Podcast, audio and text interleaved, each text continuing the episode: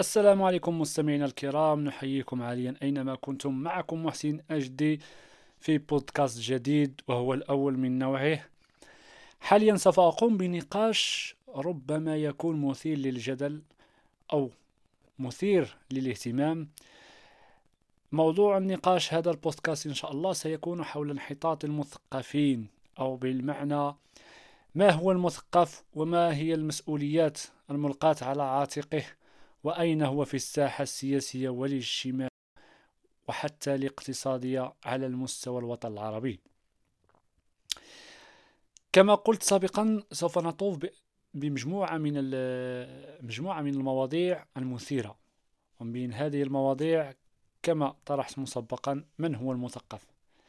في اعتقادي أن المثقف يتحمل مسؤولية جميع الشؤون المجتمعية. فأن تكون مثقفا يعني أن تتخطى مجال الضيق الذي يوفره لكل المصالح الشخصية. يعني بعبارة أخرى أن تكون المصلحة العامة تطغى على المصلحة الخاصة من حيث الدخل أو الامتيازات أي أن يثير أن يشير إلى الاحتمالات الممكنة للمستقبل وأن تطغى المصلحة العامة كما قلت على المصلحة الخاصة. ولكن بالرجوع إلى الفيلسوف والمفكر الفرنسي ميشيل فوكو وهو الرائد في الحديث عن دور المثقف فقد اخترع مصطلح جديد أضيفت إلى قاموس علم الاجتماع ألا وهو المثقف المتخصص. عندما يتميز فهو فالمثقف المتخصص يتميز عن باقي المثقفين بالتخصص لأن بالرجوع بالرجوع لحظات إلى الماضي نلاحظ أن هناك عندما نتكلم عن المثقف فنحن نتكلم عن مثقف موسوعي أي له دراية تقريبا بشتى المجالات في الهندسة في الطب في علم الاجتماع في علم النفس في الفلسفة في البيولوجيا. بينما حاليا في القرن الواحد وعشرين نلاحظ أن لا يوجد إلا المثقفين المتخصصين. لقد قال أن هذا هو الشكل الجديد للصراع القديم من أجل السلطة. والهيمنة. إذا فميشيل فوكو هنا يرجح أو يقول بعبارة أخرى أن هذا التخصص للمثقف ألا وهو صراع قديم من أجل السلطة والهيمنة. ولكن بالرجوع إلى مجتمعاتنا العربية ولنتخصص في المجتمع دول العالم الثالث بصفة عامة. أنا ضد هذا التقسيم لأنه تقسيم اقتصادي ونحن نعلم لمن وجد هذا التقسيم ولكن ربما يمكننا أن نقول هناك عالم أول عالم الحضارة كما يوهموننا وعالم التكنولوجيا والتقدم وهناك عالم ثاني هو العالم الدول في طور آه، التنمية وهناك دول العالم الثالث الذين يعيشون في الفقر والأمراض والحروب وكثير كثير من أشياء. ونطرح هنا السؤال الجوهري هو أين يتموقع المثقف العربي من داخل الساحة السياسية والاقتصادية وحتى الاجتماعية؟ لما كل هذا التغييب الإعلامي للمثقف؟ هذا وإن كان بالفعل هناك مثقف لأنه من جهة أخرى فكل خريج المدارس مهما تكن خاصة أو عامة هي مدارس فشل في نظام تعليمي فاشل. فالإنسان لا يقرأ فالإنسان العربي لا يقرأ وهذا سبب كافي لتكريس أصحاب القرارات من داخل أي وطن إلى الإيمان بالخرافة والأسطورة وبسط السيطرة لأنه بعبارة أخرى في مجال البيولوجيا فالطحالب لا تنمو إلا في المياه الراكدة. وهنا سأربط بمصطلح جديد الذي وهو الوعي. لقد انتقلنا من ما المثقف والمسؤوليات الذي يمكن أن يتحملها والتغييب والأسئلة الجوهرية التي يمكن أن نطرحها والآن سنقوم بالانتقال إلى الوعي. وليس أي وعي بل الوعي السياسي والوعي الاجتماعي. كما قال عبد الرحمن الكواكبي في كتابه طبائع الاستبداد ومصاريع الاستعباد في فصل الأول على ما أعتقد ليس من الضرورة أن يكون الإنسان حاصل على شهادة الماجستير أو الدكتوراه فهو إنسان واعي. لأن بطبيعة الحال فأنا أتفق كليا مع عبد الرحمن الكواكبي فالوعي يتكون من صراع الأفكار لأنه ليس بالضرورة أن تكون حاصل على شهادة ما فأنت إنسان واعي بهذه العبارة. وقد نجد أيضا هناك العديد من العرب حاصلين على شهادة الماجستير أو الدكتوراه فهل بالفعل هم مثقفين؟ قد يجيبني الكثير بنعم. ولكن سأتعارض مع كل من يقول نعم لأنه بالرجوع سنق... هنا سنعود إلى ما قاله ميشيل, فيكو... ميشيل فوكو المثقف المتخصص والمثقف الموسوعي. فالمثقف المتخصص هو ما نلاحظه حاليا في, في الوسط الاجتماعي للدول العربية. سافودير يعني آه كمثال هناك آه حاصل على شهادة الدكتوراه في البيولوجيا مثلا في البيولوجيا. إذا فهو على دراية فقط بمجال تخصصه وليست له دراية في المجالات الأخرى مثل الفلسفة وعلم النفس وحتى الرياضيات وحتى الفيزياء. يعني متخصص المثقف الموسوعي كما أشرنا سابقا فهو الم... فهو مثقف لديه درايات قد نقول شظايا من كل من كل فن طرب بهذه العبارة. لهذا قد أتعارض مع كل من يقول نعم لأنه بالفعل ليست بالضرورة أن تحصل على الشهادة فأنت مثقف وهذه وجهة نظري بطبيعة الحال. لأنه كم من حاصل على الشهادة لا يتوافق مع ما هو نظري. وهنا سأعود ب... فعدم التطابق النظري مع الممارسة فأنت منافق. بهذه العبارة. لأنها كيف يعني؟ عكس المثقف هو المنافق هو الذي هو السفسطائي هو الذي يثرثر من أجل الثرثرة فقط من أجل لفت الانتباه. وليس بالضرورة أن كل ما يقوله فهو صحيح. وعدم امتلاكك لوعي سياسي قادر على تحليل الساحة السياسية وقراءته قراءة نقدية وعلمية وهنا أركز على قراءة علمية بالتحليل الموضوعي للساحة السياسية. تحليل موضوعي ليس هناك انحياز معرفي تجاه منظمة معينة ما أو مجتمع معين ما. لا ندغ... هنا لا ندغدغ المشاعر. هنا سنقوم بتحليل الأشياء تحليل موضوعي مستقل كل استقلال على ما هو منظماتي أو تبعي بهذه العبارة. إذا كما قلت قراءته قراءة نقدية وعلمية. فأنت بعيد كل بعد عن المثقف ودوره بالنسبة لي لأنه ليس كل. إذ كنت إذا ك إذا كنت لا تستطيع أن تحلل الواقع الموضوعي تحليلا علميا فأنت لست مثقف. لأنه بس ببساطة فيلسوف الإنسان هو الواقع. بكل بساطة. وهنا قد أعود وهنا سأعود إلى الاحتمالية الأولى أي يوجد مثقفين في مجتمعاتنا وسأحاول الإجابة على السؤالين السابقين. فملاحظتنا للواقع أو الساحة السياسية والاجتماعية سنلاحظ تغييب وتعتيم وحصار من كل الجهات على المثقفين الأحرار الذي ليس لديهم أي انتماءات سياسية أو دينية أو طائفية أو عرقية إلى آخره.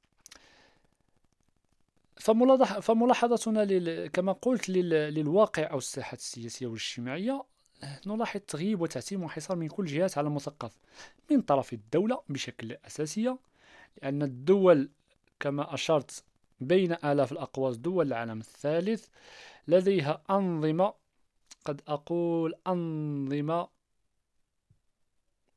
شبه ديكتاتورية هي ليست ديكتاتورية مطلقة ولكنها شبه ديكتاتورية.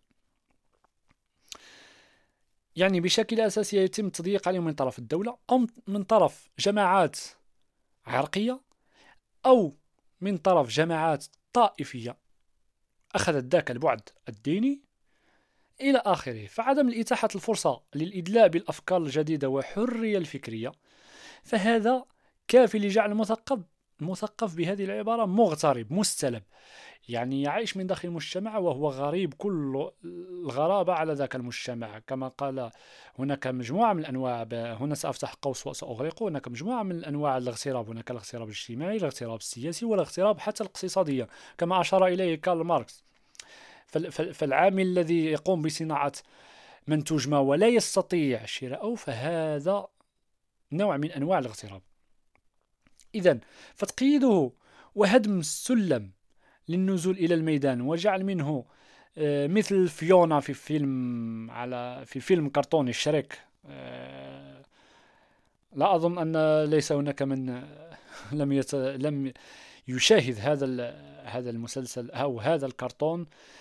ينتظر ذاك المنقذ أو ذاك الملهم لإنقاذه أو من ذاك البرج والحارس هو ذاك التنين بهذه العبارة.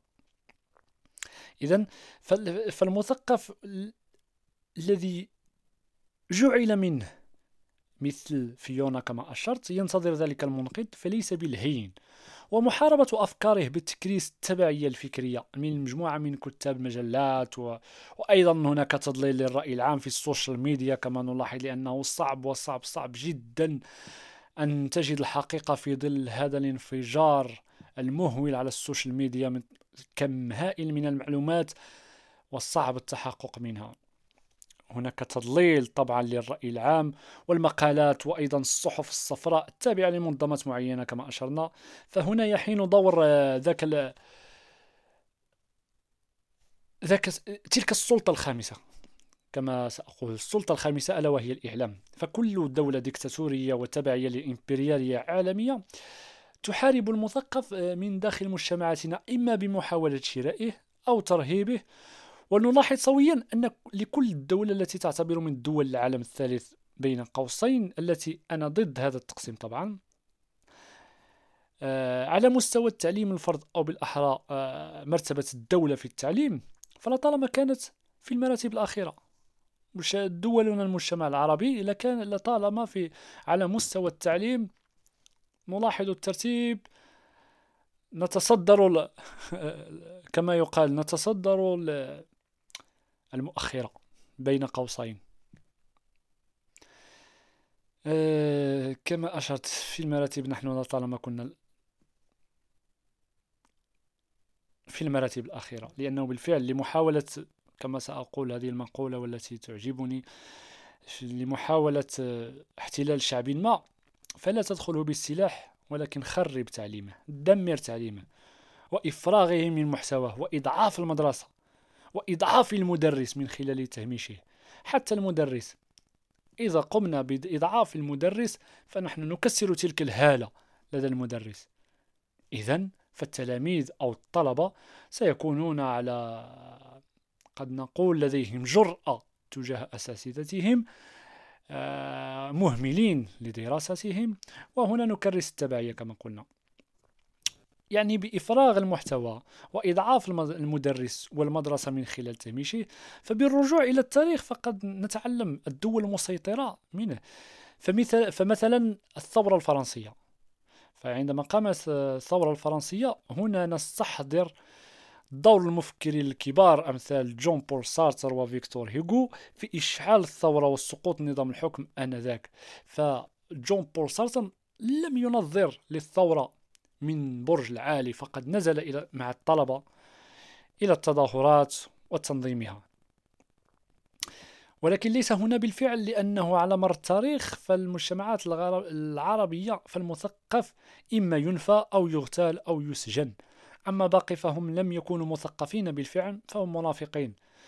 فالثمن أن تكون مثقفا في الدول في الدول العربية يحكمها الظلم والاستبداد والقهر والتفقير وحتى التجهيل سيكون غاليا وعلى حساب حياتك بطبيعة الحال.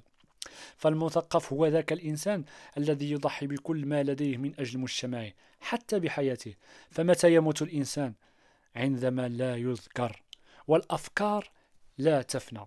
وختما وحتما وحتما فال فالإنسان بالرجوع إلى تاريخ الإنسانية نلاحظ أن اكتشاف آخر مستحثة للومو سابيان وهو الإنسان العاقل بالمغرب بمدينة أسفي لديه 300 ألف سنة. فالثورة المعرفية هناك ثلاث ثورات. بالرجوع إلى التاريخ البشرية هناك ثلاث ثورات آه، رئيسية. قد أقول برئيسية هناك الثورة المعرفية سبعين ألف سنة وهناك الثورة الزراعية مئة وعشرين ألف سنة وهناك الثورة العلمية خمسمائة سنة. إذا إذ كنا نتكلم عن المثقف فالمثقف ليس بالضرورة أن يكون هو ذاك من يحتسي القهوة وواضع رجل على رجل ويقول ويحلل بدون تطابق كل ما هو نظري مع الممارسة. وهنا قد أختتم نقاشي هذا. وليس ختاما لأني أعلم علم اليقين بأني قزمت من الموضوع ولم أعطيه حقه بالفعل. فنحن جميعا في طور التكوين طوال الوقت وبالتالي لا يمكننا ادعاء صياغة المعرفة نهائيا ثم الخلود للراحة. بطبيعة الحال نحن معا فالإنسان يجب أن لا يفقد إنسان لا يفقد إنسانيته. وأعتذر على أعتذر على مستوى اللغة العربية فأنتم على دراية لا زالت هناك رواسب للمستعمر في الدول. فبطبيعة الحال لغتنا هجينة. وأعتذر كل الاعتذار من مستمعينا الكرام على تقديمي لهذا الموضوع ولكن سأتطرق إلى مجموعة من المواضيع وسأعطي كل ذي حق حقه وإن شاء الله لنا موعد مستقبلا. مع السلامة دمتم في رعاية الله.